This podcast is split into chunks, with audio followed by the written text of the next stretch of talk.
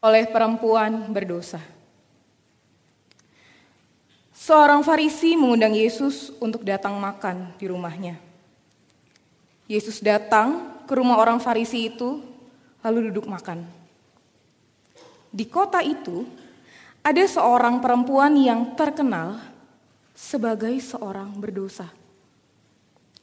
Ketika perempuan itu mendengar bahwa Yesus sedang makan di rumah orang Farisi itu, datanglah ia membawa sebuah buli-buli pualam berisi minyak wangi. Sambil menangis, ia pergi berdiri di belakang Yesus dekat kakinya. Lalu membasahi kakinya itu dengan air matanya dan menyekanya dengan rambutnya. Kemudian ia mencium kakinya dan meminyakinya dengan minyak wangi itu. Ketika orang Farisi yang mengundang Yesus melihat hal itu, ia berkata dalam hatinya, "Jika ia ini nabi, tentu ia tahu siapakah dan orang apakah perempuan yang menjamahnya ini. Tentu ia tahu bahwa perempuan itu adalah seorang berdosa." Lalu Yesus berkata kepadanya, Simon, ada yang hendak kukatakan kepadamu. Sahut Simon, katakanlah guru. Ada dua orang yang berhutang kepada seorang pelepas uang. Yang seorang berhutang 500 dinar, yang lain 50.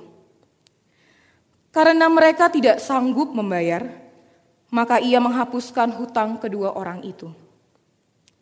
Siapakah di antara mereka yang akan terlebih mengasihi dia? Jawab Simon, "Aku kira dia yang paling banyak dihapuskan hutangnya." Kata Yesus kepadanya, "Betul pendapatmu itu." Dan sambil berpaling kepada perempuan itu, ia berkata kepada Simon, "Engkau lihat perempuan ini?" aku masuk ke rumahmu, namun engkau tidak memberikan aku air untuk membasuh kakiku.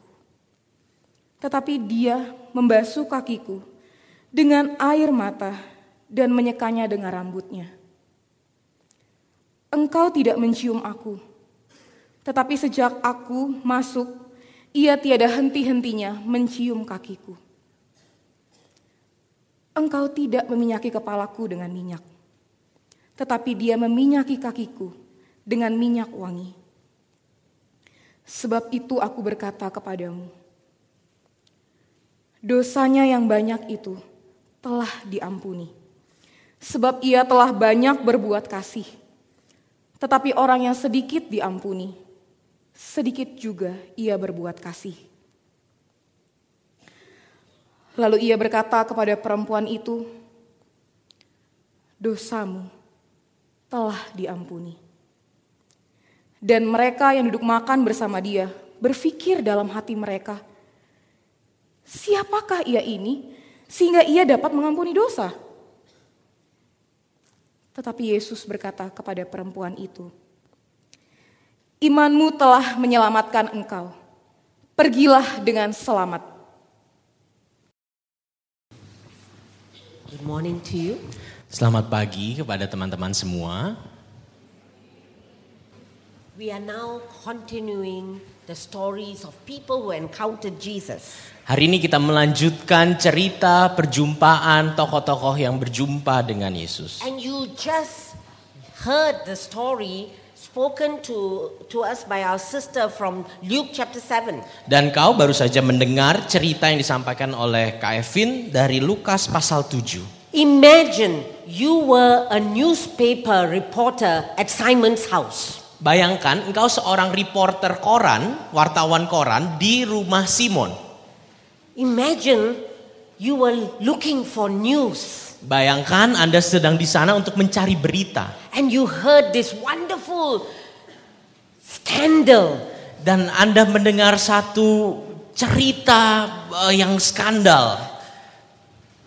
You must be very happy because tomorrow you got news. Dan kamu pasti akan senang sebagai wartawan. Yes, besok ada berita.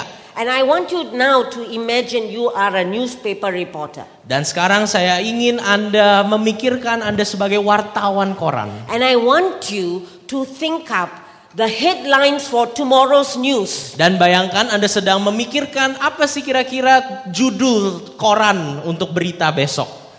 Nobody is going to read your news if you say a sinful lady met Jesus. Nggak akan ada orang yang baca beritamu kalau cuma judulnya wanita berdosa ketemu Yesus. What is going to be your title for this story that you were a witness to? Kira-kira apa judul dari cerita yang kamu saksikan sendiri di rumah Simon? I'd like you to think for one minute Coba pikirkan dulu satu menit. a title for your news tomorrow. Judul untuk beritamu besok di koran. And then I will get you to share afterwards. Dan aku akan nanti minta teman-teman So, untuk please sharing. think. Jadi hari eh, saat ini pikir dulu, pikir dulu. Now, I, I'm looking at your faces from here. You don't look like newspaper reporter to me. Saya melihat muka-muka teman-teman kayaknya nggak ba- nggak banget nggak terbiasa jadi wartawan. I can koran. see there is a light that is switched off inside here. Kayak ada yang eh, mati turn off di. Quickly, quickly turn on the lights and think of something. I'm going to Coba call cari- many of you. Coba cari ide, coba pikirkan ta- judul berita seperti apa yang akan sangat mengundang orang membaca.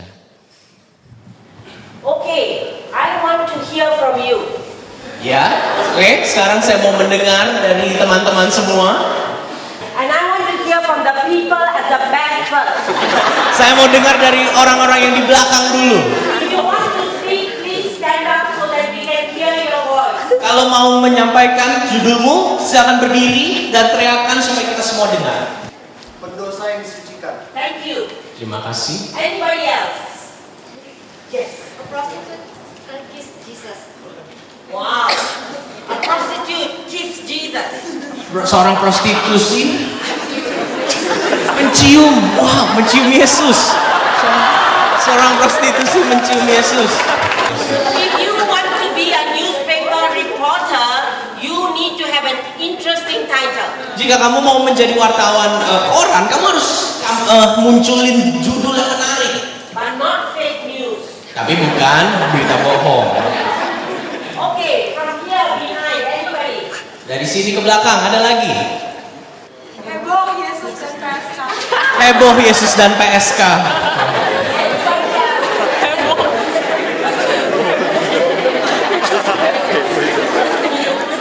Okay, I will move a little bit more. Saya maju lagi. From here behind, anybody? Ada lagi dari bagian sini. Siapakah dia ini sehingga dia dapat mengampuni dosa?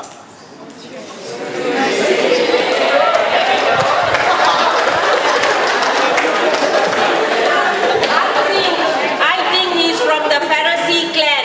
Ya, kayaknya dia dari kelompok Farisi ini ya. Bikin korannya judulnya begitu. Terima kasih. Anybody else? Ada lagi.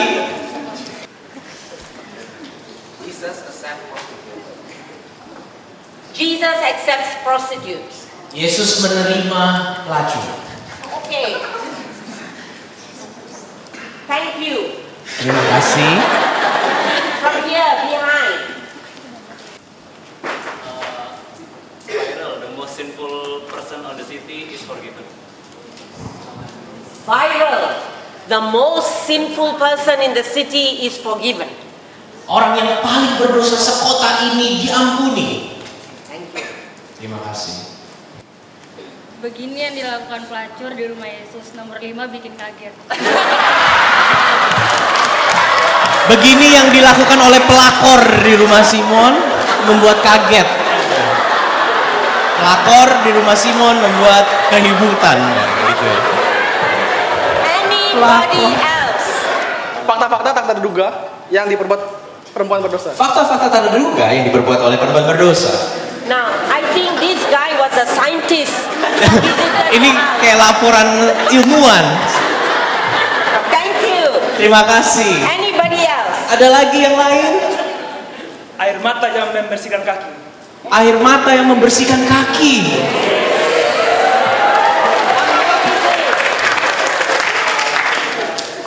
My friends, if we had Bible studies like this, don't you think it'll be so interesting? Teman-teman, kalau kau punya waktu belajar firman seperti ini, bukankah ini akan menjadi sangat menarik? This is what we must do. Open up the word and allow people to share their viewpoint before we go and study the scripture. You can see my title Engkau dapat melihat judul saya. From Scandals to Scandalous Love. Dari skandal menjadi perkasih yang menggemparkan. Now, how did we get to this chapter 7? Bagaimana kita bisa sampai di Lukas pasal 7 ini? I think you can hear me without the mic. Engkau mungkin bisa mendengarku tanpa mic. My voice is louder than yours, Suara aku lebih kencang daripada teman-teman and even with him with the mic. dan bahkan daripada aku yang pakai mic. Now, yesterday we saw Simon leaving everything and following Jesus. Kemarin kita melihat Petrus meninggalkan segala sesuatu lalu mengikut Yesus. Now, and you know, this whole encounter was alive, Dan perjumpaan itu sangat-sangat hidup, it was fresh. sangat segar. It is something that captured the whole of Simon's life. Itu sangat memikat seluruh hidup Petrus.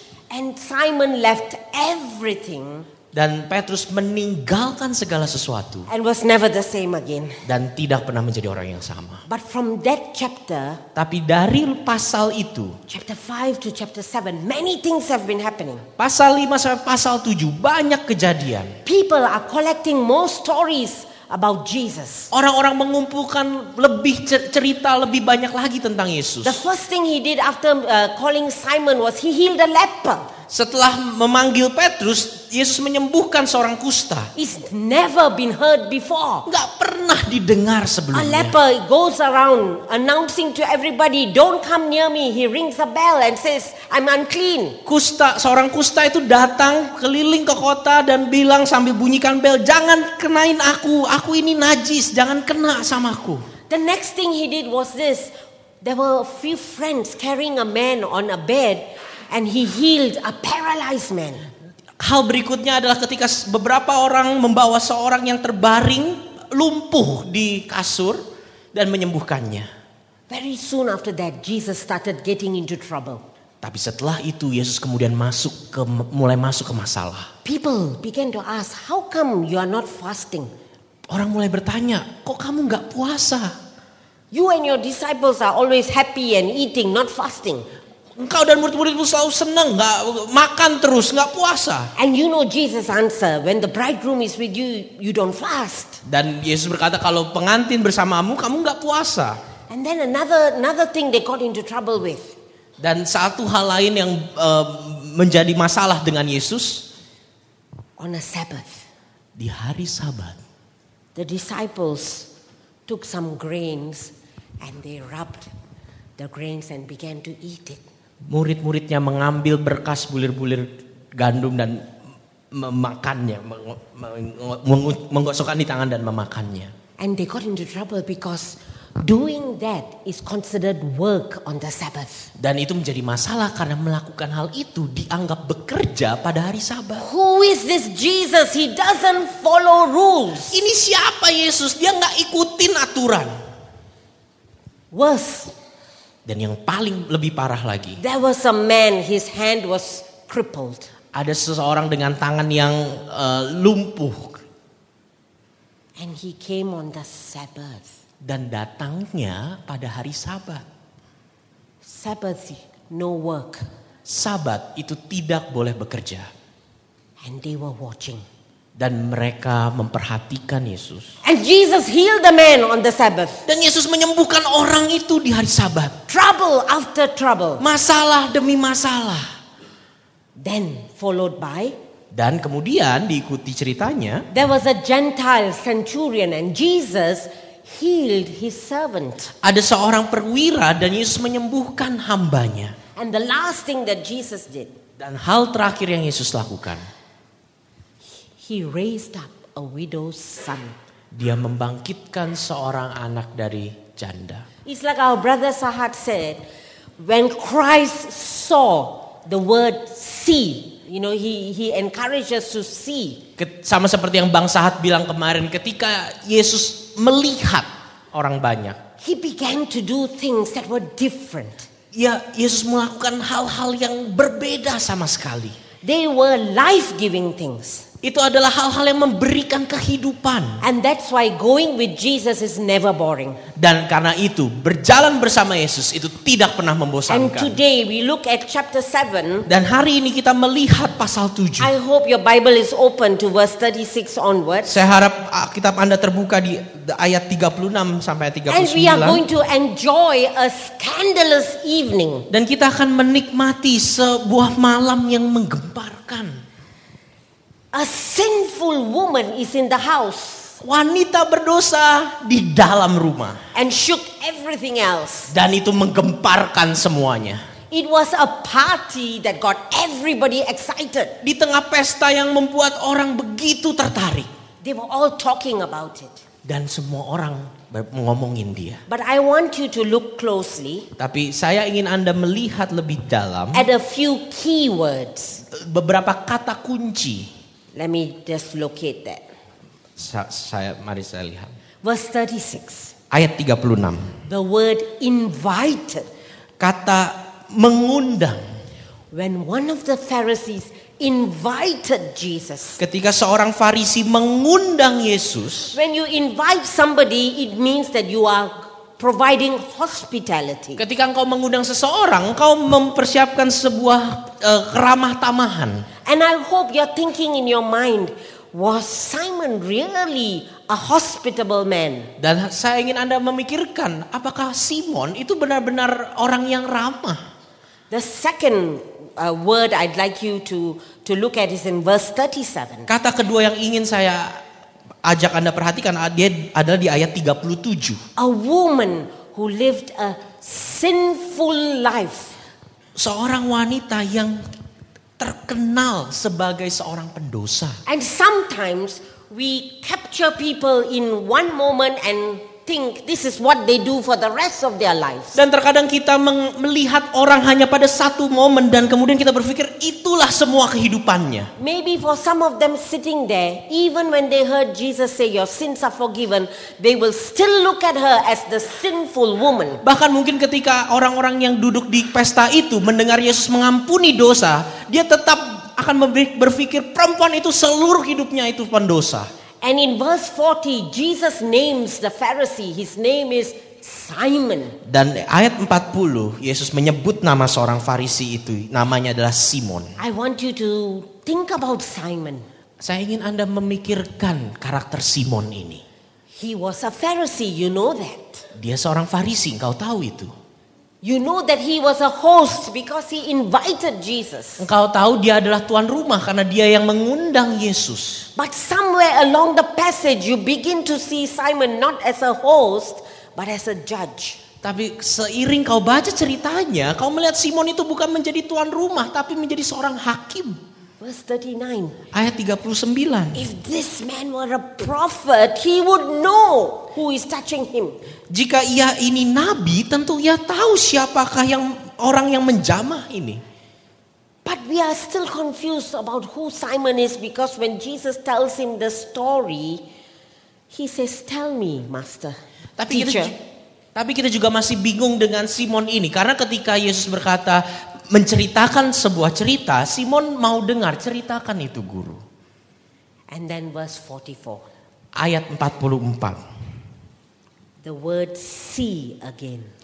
Muncul lagi kata eh, melihat, engkau lihat perempuan ini. Jesus asking Simon, Do you see this woman?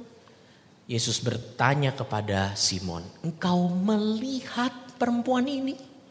Do we see the woman or do we just see sinful woman?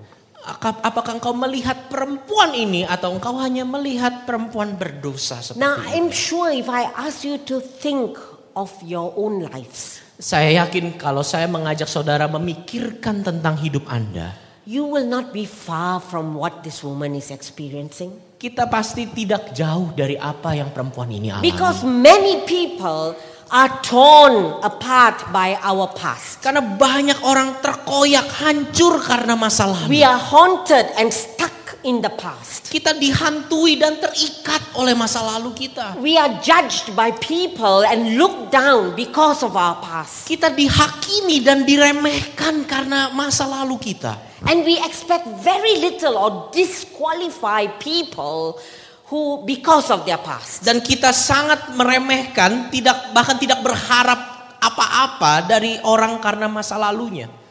That woman was doing something beautiful, but all they could see is he was being touched by a sinful woman.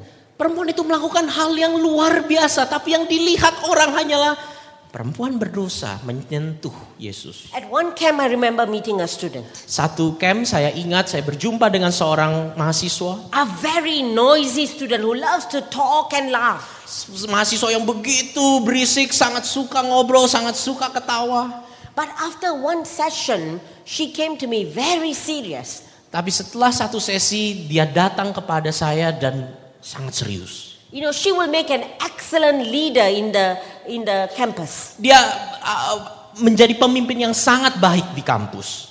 but she never wanted to serve. Tapi dia nggak mau, nggak pernah mau melayani. And she told me her story. Dan dia menceritakan ceritanya. I can't serve God. Saya nggak bisa melayani Tuhan. I'm sinful. Saya berdosa. When she came to campus, she was just 20. Ketika dia datang ke kampus, dia hanya berumur 20. And you know, from the time she was 12 years old, she was alone looking after her brothers and sisters because her two parents went overseas to work. Dari umur 12 dia harus menjaga adik adik-adiknya karena kedua orang tuanya harus pergi ke luar negeri untuk bekerja. She cooked for them every day, Dia masakin adik-adiknya setiap hari, make sure they study. ma- memastikan mereka belajar. But she was feeling so alone and burdened because she's only 12 years old. Tapi dia sangat se- merasa kesepian dan sangat terbeban karena dia hanya berumur 12 tahun. At 15 years old, she was so happy there was somebody to share her burden. She found a boyfriend in class. umur 15 dia lebih dia senang karena dia berjumpa dengan orang dia bisa sharing bebannya yaitu teman prianya. And this, this boy used to come to the house, and four of them used to, you know, look after each other. Dan teman prianya ini datang ke rumahnya, bantuin dia pekerjaan-pekerjaan di rumahnya. And, you know, it led to one thing, led to another. Satu hal berngacu kepada hal yang lain She got pregnant sampai akhirnya dia hamil. because she slept with her boyfriend at 15 years old. Karena dia berkata kepada eh, teman prianya umur 15 tahun waktu umur 15 tahun And both of them are so young, dan mereka sangat muda. they didn't know what to do. Dia nggak tahu apa yang harus dilakukan. They went to have an abortion, dia harus mengaborsi and she never forgot that. dan dia nggak pernah lupakan pengalaman itu. She was 20 years old. Dia umur 20, She knew Jesus, dia tahu Yesus, but this sin was keeping her down and she even though she had asked for forgiveness, she she had been stuck by her own sin. dosanya begitu menjatuhkan, menghancurkan dia, dia begitu terikat dengan pengalaman yang mengerikan itu. And she asked me, "Can God forgive me? Apakah Tuhan mampu memaafkan saya? I killed a innocent life, a baby, unborn baby. Saya membunuh hidup yang tidak berdosa, bayi yang belum lahir. He won't want to s- use me. I can't serve him." Dia mau pakai saya, saya nggak bisa melayani dia. That is the one person. Itu satu orang. I'll tell you her story at the end. Saya kasih tahu eh, cerita Second akhirnya person. nanti. Ha- orang yang kedua, A man, young man. seorang pria muda. We were sitting at McDonald's. Kita duduk di McDonald. He was the vice president of our Christian fellowship. Dia adalah wakil koordinator PMK.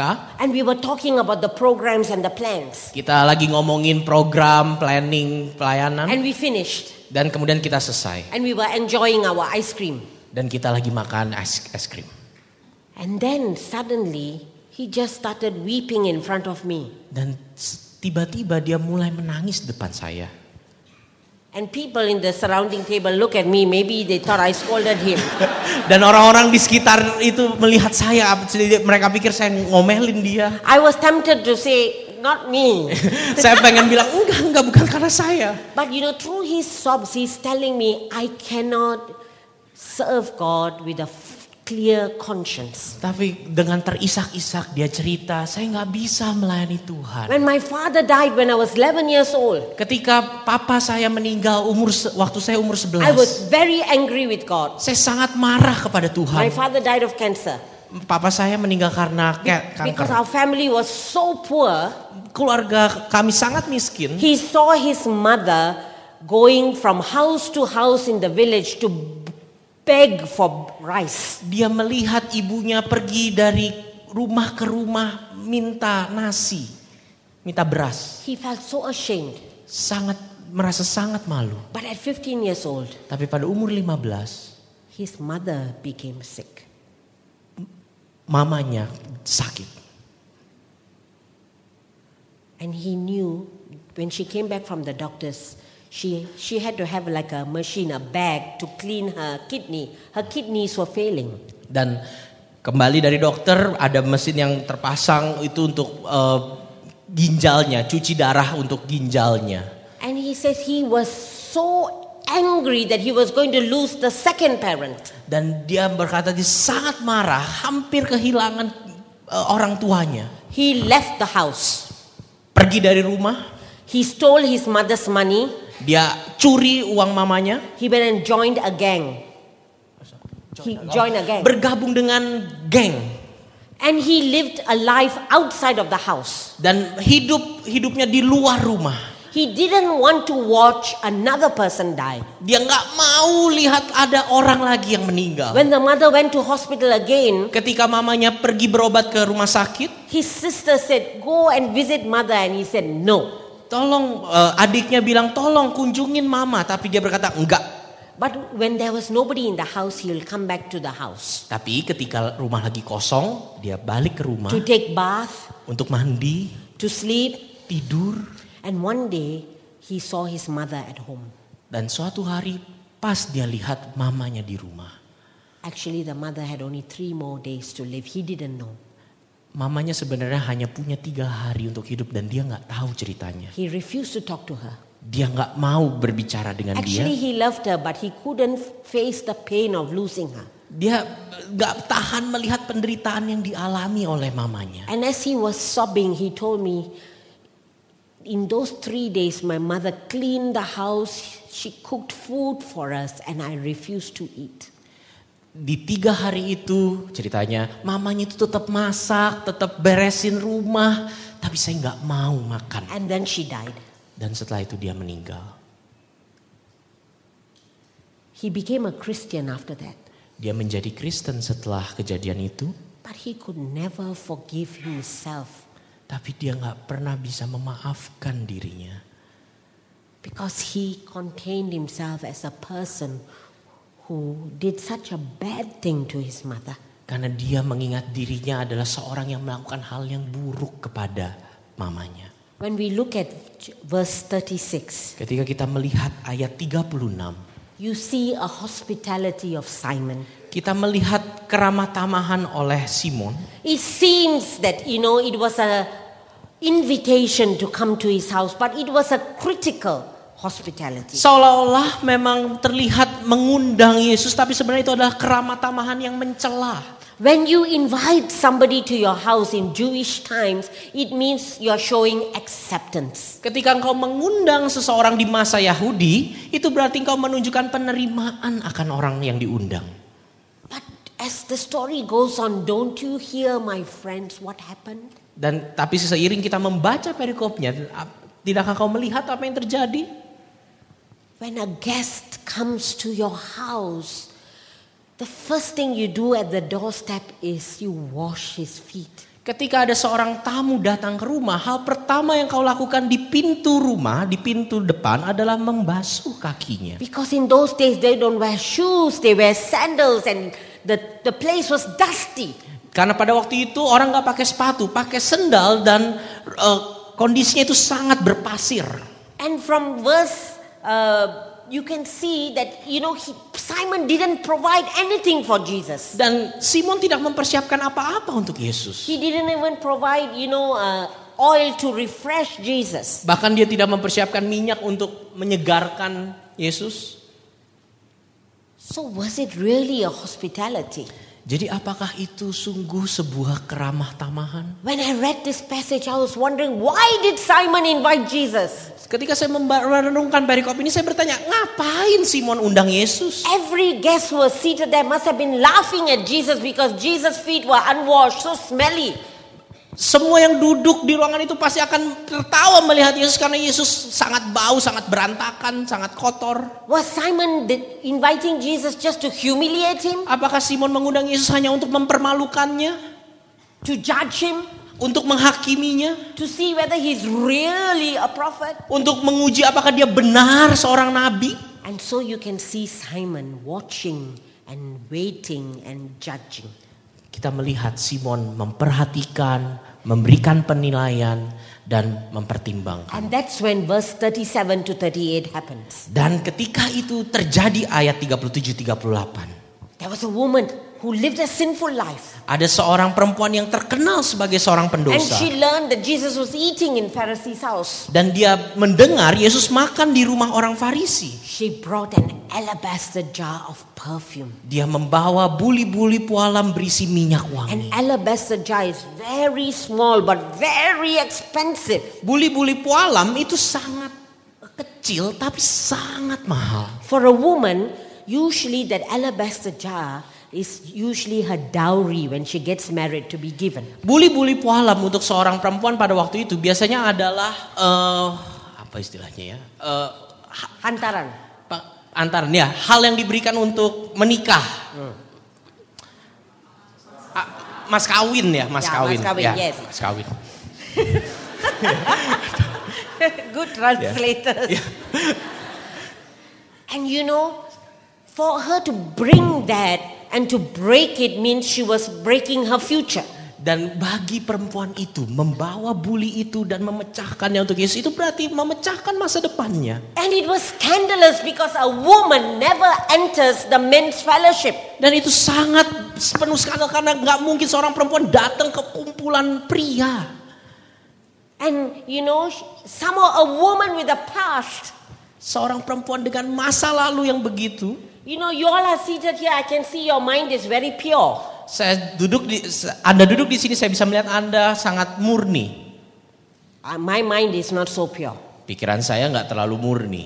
Maybe there were some people who were seated there, and maybe they had been her this woman's clients before, Mungkin aja kan yang duduk di sana itu salah satu klien si perempuan itu. and they'll be like, "Alama, what is this? Dan mungkin mereka berkata, ya ampun kok datang dia gitu. What is this? Apa ini? What is this woman doing here?" Apa? Kenapa ini perempuan datang ke And sini? somehow with Jesus, Dan ketika dia sama Yesus, a woman with a past, perempuan dengan masa lalu seperti and itu. somehow letting her hair down in front of all the men, that is no, no, no. Dan membiarkan rambutnya diseka, menyeka kaki Yesus itu sangat tidak, sangat tidak And diterima. wiping his feet with her hair. Me- Menyeka, er, menyeka kaki Yesus dengan rambutnya It was scandalous. itu sangat menggemparkan. Okay, you must apologize to Ka Alex for this one. Kita harus minta maaf sama buat Bang Alex untuk hal ini. So those of you who know him, we were at a conference in, in Thailand. Kalau buat teman-teman yang kenal Bang Alex, waktu itu Miss Anet dan Bang Alex sedang conference di Thailand. And we were studying this passage. Dan kita sedang mempelajari perikop yang sama juga ini. And you know, the passage became very, very serious, like a science class. Tetap- Tapi ketika mempelajari jadi kesannya seperti sangat serius seperti kelas ilmiah. Everybody was dissecting the passage, but nobody could feel it. Semua begitu mem- sibuk membedah perikop ini tapi nggak ada yang dapat apa yang terjadi di. And the lady who was uh, leading the session that day, she lost her voice. Dan seorang perempuan yang mem- memimpin studi eh, belajar Alkitab ini lagi hilang suara. So she typed all the instructions. Please share with one another what you see in the passage. Jadi cara memimpin adalah dia ketik instruksi-instruksinya dan disuruh sharing satu sama lain. And the men and the women were dissecting the passage, very boring. Semuanya membagi-bagi, membedah PA, s- tapi sangat membosankan. So I was her voice and I was the one speaking the scriptures. Saya adalah orang yang menyampaikan eh, perikop ini, membacakan perikop ini. So she wrote in a piece of paper, Can you speak the scripture again for me? Bisakah eh, jadi ditulisin perikopnya di kertas, minta Miss Anet, Miss Anet tolong bacain sekali lagi perikop ini. And so I began to speak, and everybody started quieting down again. Jadi waktu di tengah-tengah diskusi, Miss Anet bacakan lagi perikopnya dan semua mulai diam dengarkan Miss Anet. And this girl came and she was really weeping. Dan perempuan yang tadi pemimpin itu tiba-tiba datang dengan sungguh-sungguh menangis. She went to Alex, Dia datang ke Bang Alex, took out his shoe and his socks, copotin sepatunya, copotin kos kakinya, and her tears fell on his feet. dan air matanya sengaja jatuh di kakinya Bang Alex. And I have the video. Alex was, Dan saya punya videonya Bang Alex buang muka. later we had to minta ampun from the wife as well. Kita harus minta ampun sama istrinya Bang Alex ya, Kak Devi. he was looking like this. Bang Alex tuh buang muka. And the ladies were looking at this like that. With their eyes like that. Looking at the whole scene. Se- semua orang melihat No, the ladies. Oh, perempuan-perempuan yang lain yang di eh, conference itu ngelihat adegan itu sampai matanya melotot seperti itu. And the men, they turned away. Yang laki itu buang muka semua.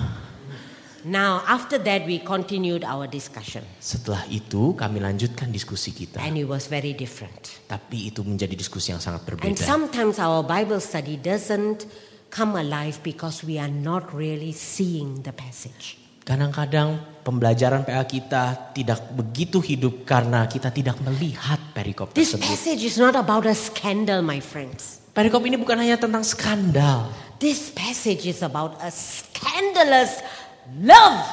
Ini adalah perikop tentang kasih yang menggemparkan, menghebohkan. That's why Jesus invited Simon to see the woman. Karena itulah Yesus mengundang Simon untuk lihat perempuan ini. Did you notice that the woman did not speak a single word in this passage? Apakah engkau sadar perempuan ini tidak berkata satu kata pun di dalam perikop ini? But she spoke a lot through her actions. Tapi dia berbi- me- ber- melakukan banyak hal, berbicara banyak hal melalui perbuatannya. Hers was a voiceless generosity. Yang dia lakukan adalah kemurahan hati tanpa suara. Everything she did was spoken through actions. Semua yang dia ingin sampaikan itu dilakukan melalui perbuatan, disampaikan melalui perbuatan.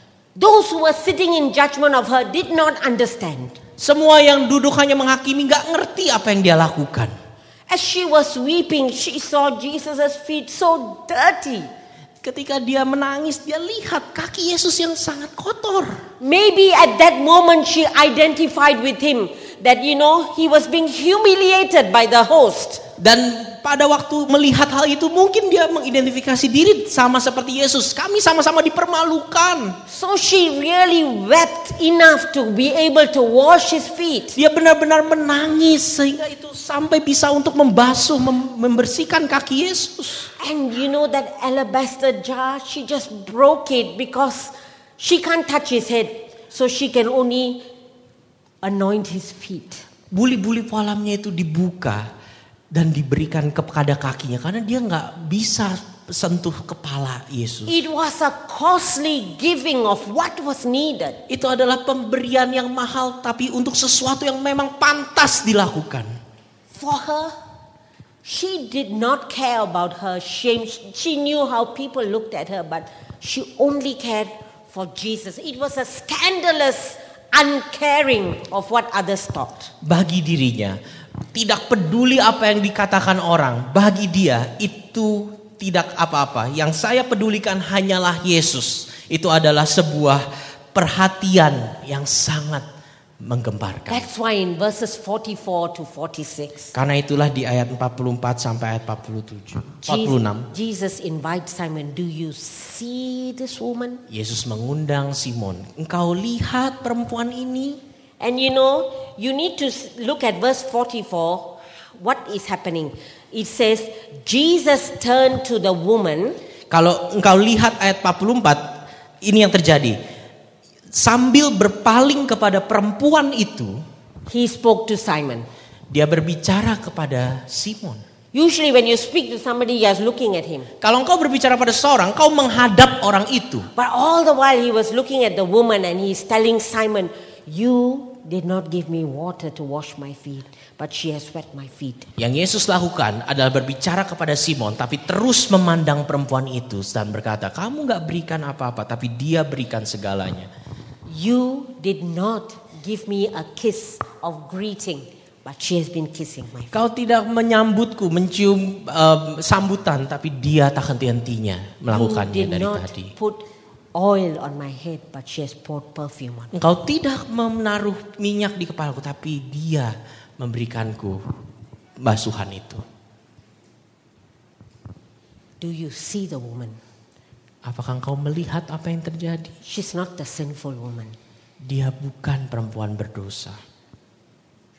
She is more than that. She is the generous, voiceless woman.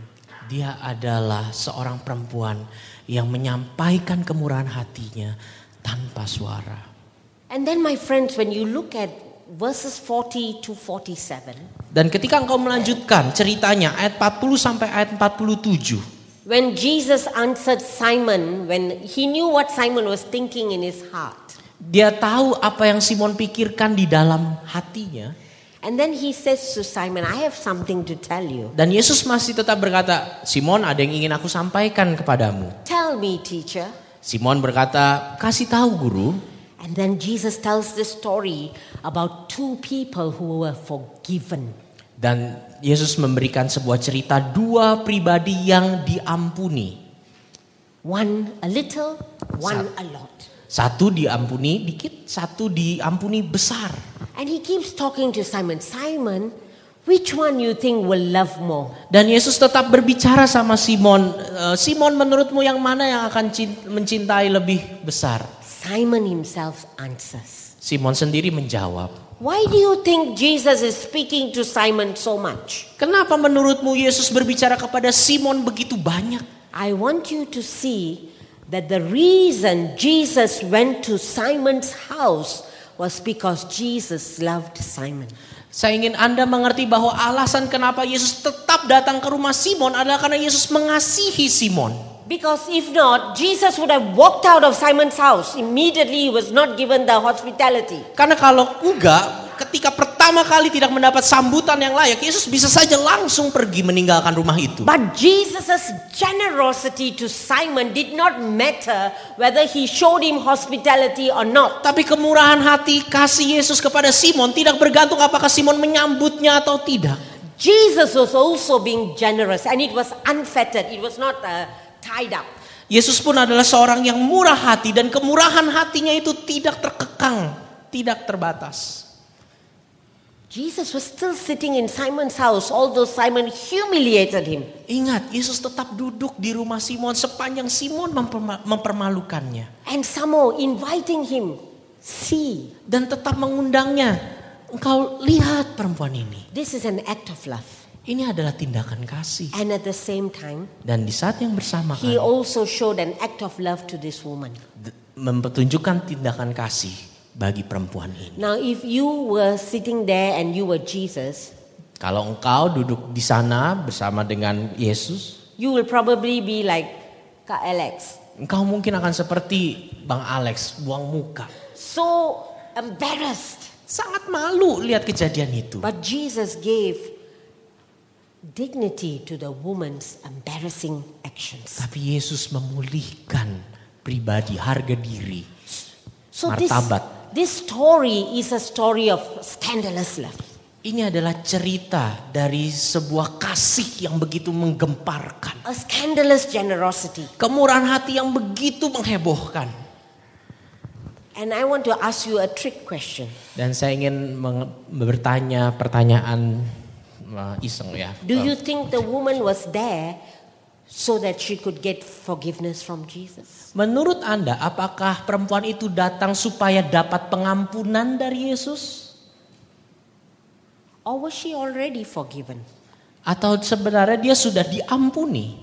Because the story, that parable that Jesus says, it talks about two people who are already forgiven. Karena ingat cerita yang Yesus sampaikan adalah dua pribadi yang sudah diampuni. And in verse 47, in the Al-Kitab, it, it says something, one word makes a difference. Di ayat 47 ada satu kata yang mungkin membuat eh, berbeda pemahamannya. That makes you think that she was forgiven because of her actions. Itu mungkin akhirnya membuat kita berpikir perempuan itu diampuni karena perbuatannya. Can you read verse 47? Ayat 47, sebab itu aku berkata kepadamu, dosanya yang banyak itu telah diampuni sebab ia telah banyak berbuat kasih. Tetapi orang yang sedikit diampuni, sedikit juga ia berbuat kasih. The said that word sebab ia telah banyak berbuat kasih makes you think she got forgiveness because she did this. Kata sebab yang membuat sebab ia telah banyak berbuat kasih membuat kita mungkin berpikir dia diampuni karena melakukan hal-hal tersebut. But in English the translation is slightly different. Tapi kalau da- teman-teman lihat terjemahan Inggris Verse 47 says this. berbeda ayat 47 seperti ini bunyinya. Her many sins are forgiven dosa-dosanya yang banyak telah diampuni as her great love has shown. sebagaimana ia menunjukkan kasihnya kepada Tuhan. So my friend, she was showing this out of her gratitude, deep gratitude for Jesus. Dia menunjukkan be- rasa syukur yang begitu dalam, begitu berlimpah kepada Yesus. So in Simon's house that day, there was a scandalous generosity. Dan di rumah Simon pada waktu itu ada sebuah kemurahan hati yang begitu menggemparkan. There was a release, a generosity of release for the woman who had been hiding her sin and her shame. Adalah kemurahan hati yang membebaskan perempuan itu dari penolakan, dari rasa malu. She could come out into the open and just minister to Jesus. Dia bisa datang terbuka dan kemudian melayani Yesus. And Jesus publicly said to her in the last verse, Dan Yesus secara publik berkata kepada perempuan itu di tengah-tengah semuanya, Your sins are forgiven. dosamu telah Verse diampuni. 48. Tel- Dosamu telah Ya. diampuni. He's not saying this to the woman. Her sins are already forgiven. Dia oh, dia tidak mengatakan eh, kepada perempuan ini dosamu telah diampuni. No, in this in this it says that he told the woman that she's forgiven. Oh, sorry ya. Dalam perikop ini dia menyampaikan kepada perempuan ini betul dosamu telah diampuni. But actually he's not really speaking to her. He's speaking so that everybody can hear. She is no longer a sinner. Tapi pada akhir perikop ini dia mengatakannya itu di hadapan semua orang dan menyatakannya kepada semua orang, betul perempuan ini tidak lagi berdosa. So that people will stop judging her. Supaya setiap orang s- berhenti menghakimi dia. Just like there was once he was going and there was a woman who had an issue of blood and she touched Jesus' robe and she was healed. Sama seperti ingat cerita seorang perempuan pendarahan yang pegang jubahnya Yesus dan kemudian sembuh. And Jesus asked, Who touched me? Dan Yesus bertanya, siapa yang pegang aku? Siapa yang sentuh aku? Hello, there are hundreds of people. Can you ask this question? Who touched me? Ingat itu diikutin oleh ratusan orang. Gimana caranya nanya siapa yang nyentuh aku? But he kept pressing it. Tapi dia tetap cari tahu siapa yang sentuh. So the woman said, I touched you. Perempuan itu sampai akhirnya berkata, "Aku yang sen- menyentuhmu." And he told her, Your faith has healed you.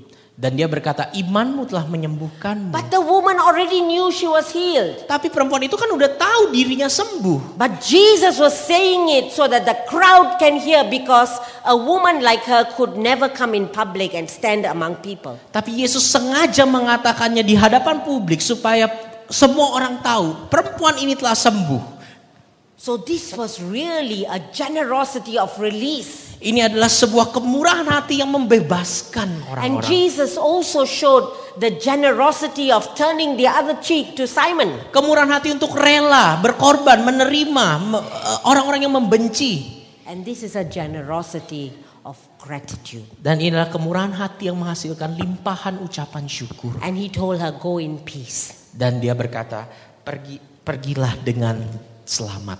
You know, the word peace is go in shalom, Kata pergilah dengan selamat, pergilah dengan damai, shalom. go in wholeness, Pergi dengan go keutuhan dirimu. in completeness, Pergi dengan seluruh keberadaanmu. no longer in pieces. Bukan lagi pergi dengan segala berantakan. You are whole. Engkau sekarang utuh. And that is the word that we want to speak to you today. Dan ini adalah firman yang me- ingin saya ingin kita sama-sama renungkan hari ini. You will be meeting many people who have shame and who are hiding their past. Engkau akan berjumpa dengan orang-orang yang menyembunyikan banyak rasa malu dari masa lalunya. I am very sure seated here are also some of you in the same boat. Engka- Saya yakin di antara saudara-saudara yang duduk di tempat ini, engkau juga mengalaminya, engkau juga tahu apa yang terjadi. Not just people we minister to, but we too may be feeling like this woman. Bukan hanya kepada orang-orang yang kita layani, kita sendiri pun saya And yakin the mengalaminya. invitation today Dan undangan kita hari ini is face your past. adalah untuk menghadapi masa lalumu. We can be free from our hiding Kita sekarang bisa tidak lagi perlu bersembunyi and open to God's examination of us. dan bisa terbuka mengizinkan Tuhan melihat diri kita. And like the woman showing our desperation for God to do something, dan seperti perempuan itu sangat merindukan Tuhan mengerjakan sesuatu dalam diri kita. we can have that kind of encounters with Jesus. Kita bisa mengalami perjumpaan yang demikian. My dengan friends, Yesus. that is what attracted people to Jesus. itu yang membuat orang datang kepada That he could Yesus. give them new beginnings. Dia bisa memberikan hal, hal yang baru. that they could begin again. Dia bi- mereka bisa mulai yang baru. And many of us need new beginnings Dan banyak dari kita butuh ha- mulai baru lagi. because we are hiding sins. Karena kita menyembunyikan And we are dosa saying God won't use us. dan dosa-dosa yang membuat kita nggak ma- Tuhan nggak pakai kita. Or we might be on the other side. Oh, no need to confess. God will always forgive us. Atau mungkin kita orang yang berkata, ya nggak perlu minta ampun, Tuhan pasti memaafkan. We might be like Simon thinking we are better than everybody else. Kita mungkin seperti Simon ber- berpikir kita lebih baik dari yang lain. And God is inviting all the Simons and all the women to come before him. Dan Tuhan mengundang semua Simon dan semua perempuan datang kepadanya hari ini. That's what happened to this student leader that I told you about. Ini yang terjadi kepada pemimpin PMK yang tadi saya This girl ceritakan. who had an abortion. Perempuan tadi yang hamil dan mengalami When she aborsi. came to Jesus and she found freedom, Ketika dia datang kepada Yesus dan menemukan kebebasan, today she is serving as a pastor's wife, sekarang dia men- melayani sebagai istri seorang pendeta, ministering to so many broken people melayani ke- justru kepada orang-orang yang begitu hancur. because she herself encountered Jesus. Karena dia telah berjumpa dengan Yesus And I've seen so many stories of people like that. dan saya telah melihat begitu banyak cerita orang-orang seperti itu. People who were abused by their families, verbally abused, who had no sense of acceptance. Orang-orang yang begitu dilecehkan dengan perkataan dengan perbuatan sehingga nggak merasakan penerimaan dari And keluarganya only carrying a sense of shame with them. dan hanya membawa rasa malu terus-terusan pada dirinya. Finding that God can speak love into their lives. Tapi sekarang bisa berjumpa dengan Tuhan dan menceritakan berbagi kasih itu pada sesama. No, they are able to receive God's love. Dia bisa menerima kasih itu.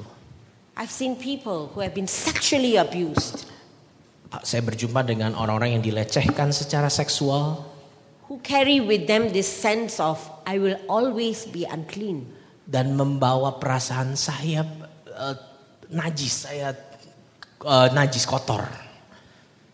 And finding that as they bring this to Jesus, their lives are overturned. Dan ketika membawa hidupnya kepada Yesus, hidupnya berubah. They find that Jesus can give them, like the woman, new beginnings.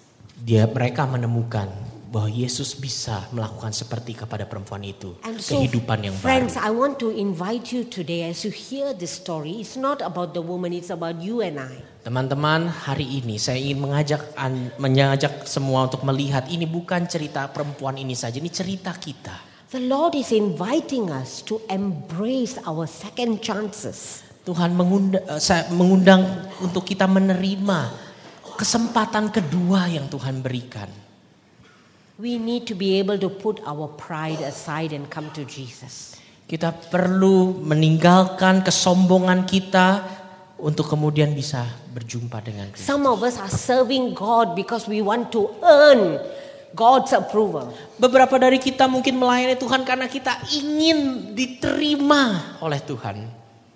But like the woman, she did that out of her gratitude, not to earn forgiveness. Tapi seperti perempuan itu melayani Tuhan karena limpahan rasa syukur bukan karena untuk menerima pengampunan. Our spirituality will always be a beggar's spirituality. Spiritualitas kita adalah spiritualitas pengemis. You know, if a beggar finds food somewhere, Jika he will seorang quickly go and tell other beggars, go there, there's food there.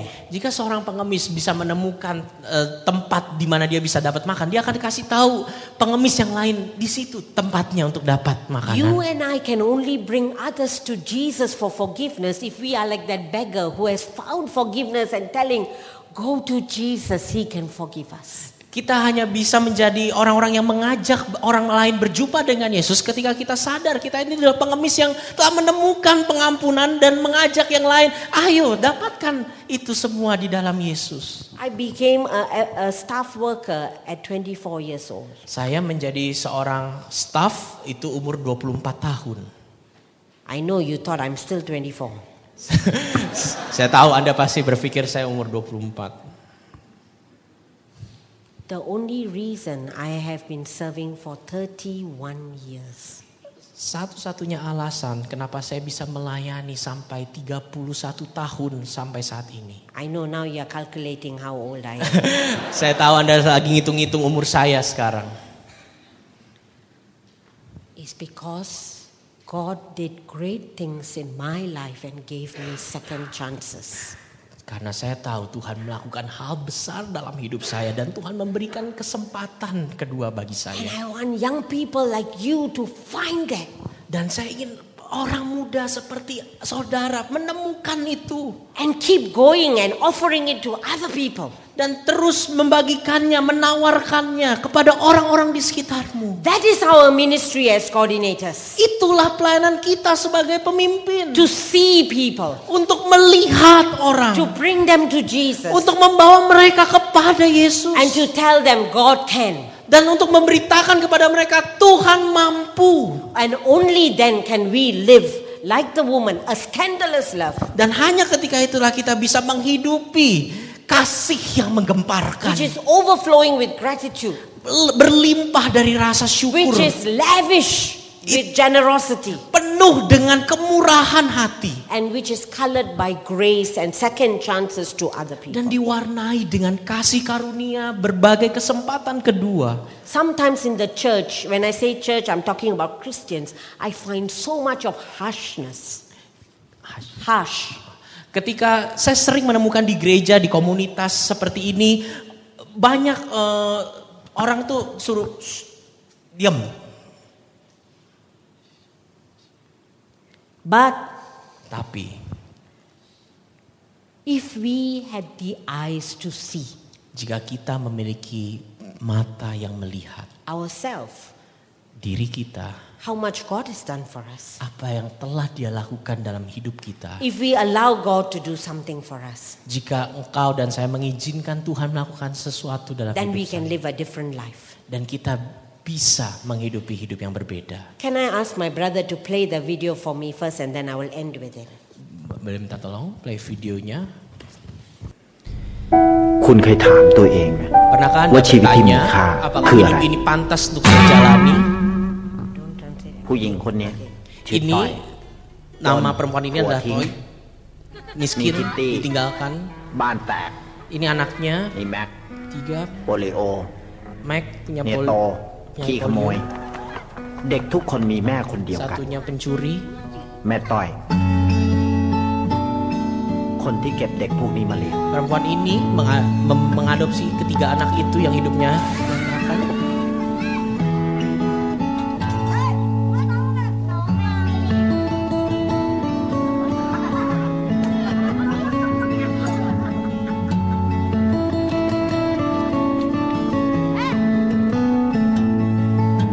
She forced the kids to play with her son. dia ingin apa anak-anak lain main sama anaknya She cheered them on. dia menghibur menjaga This is a thief. itu This is an abandoned girl. pencuri This is perempuan a polio yang ditinggalkan anak yang kena polio She adopted them.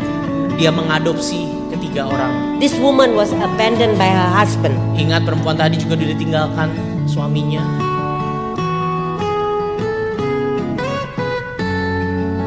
They are going for a picnic mereka pergi berpiknik and they have never seen the sea before. nggak pernah lihat laut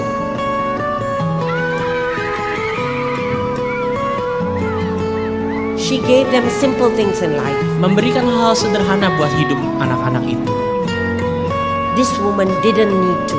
แม่ต้อย เป็นโรคมะเร็ง She didn't อยู่ได้ need ไม่ to. เกินสอง dia ปี nggak perlu itu tapi Yeah, แต่ yeah, but she did it. tapi dia lakukan itu She has ทำอะไร cancer ได้ dia punya kanker and she only has two years to live. punya dua tahun lagi untuk hidup. But she told the doctor, two years is a long time. I can do many things. Dua tahun itu se- sangat panjang. Saya bisa lakukan. She banyak hal. made a difference in these three children's life. Dia membuat perbedaan di tiga anak She ini. gave them dignity.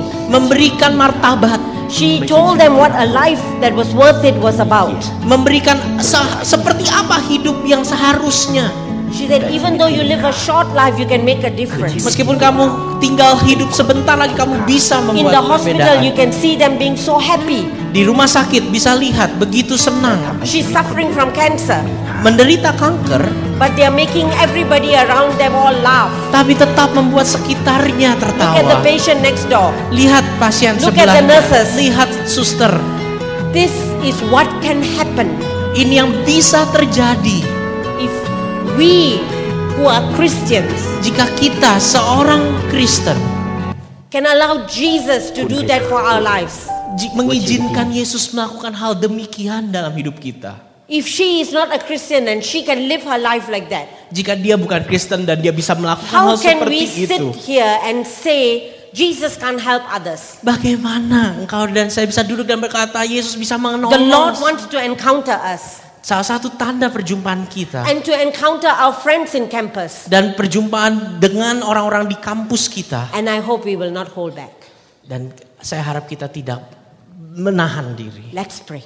Mari berdoa. I want to invite you to come to Jesus. Saya ingin mengundang Anda datang kepada Yesus. From, and I want you to bring all the things that we are keeping, hiding from Jesus, Saya ingin Anda membawa semua hal yang Anda sembunyikan dari Tuhan. and lay them before Jesus. Nyatakan itu di depan Tuhan. Because haven't you noticed?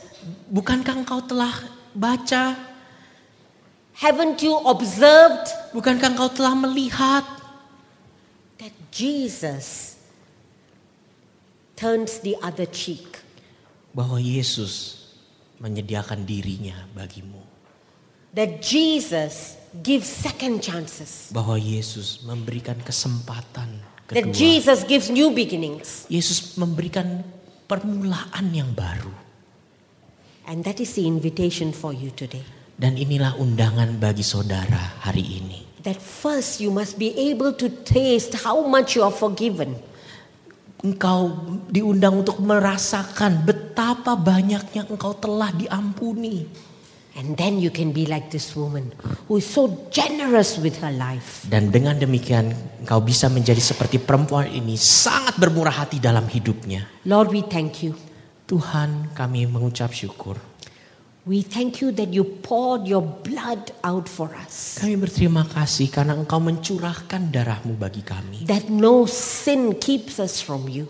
Tidak ada lagi dosa yang mampu memisahkan kami dengan. Whether we are like Simon and proud, Mes- Mungkin kami seperti Simon yang begitu bangga. or whether we are like the woman, so full of shame, Atau kami seperti perempuan yang penuh dengan rasa malu. you still invite all of us to come to you. Engkau tetap mengundang setiap kami datang kepadamu. Lord, we are here. Tuhan kami ada di sini. Will you do something into our hearts? Maukah engkau melakukan sesuatu bagi hati kami? Give us new beginnings. Berikan kami Tuhan permulaan yang baru. Lord, Tuhan, some of us have done things that are so wrong, beberapa dari kami melakukan hal yang sangat berdosa. and we do not know where to tell it to. Dan kami nggak tahu harus cerita kemana. But you already know. Tapi engkau tahu Tuhan. Lord, Tuhan, take our dirty lives, ambil hidup kami yang kotor ini Tuhan. wash it, Lord, Basuhlah itu Tuhan. so that even like the woman, we too can be looked with dignity. Sehingga seperti perempuan itu kami sekarang bisa dilihat dengan penuh martabat. Because you give us the dignity. Karena engkau yang memberikan martabat itu. Lord Jesus, we want to love you. Tuhan Yesus kami mau mencintaimu. Open our hearts to love, Bukalah hati kami kepada kasihmu Tuhan. to receive your love and to give your love. Untuk boleh menerima kasihmu dan memberikan kasih kami kepadamu. Thank you so much, Lord, Terima kasih Tuhan. that you give us new beginnings. Engkau memberikan kami permulaan yang baru. We want it. Kami mau itu Tuhan. Take our lives Ambil hidup kami Tuhan. and let it be yours. Dan jadikan itu milikmu. In Jesus' name we pray. Di dalam nama Yesus kami berdoa. Amen. Amin. Amen.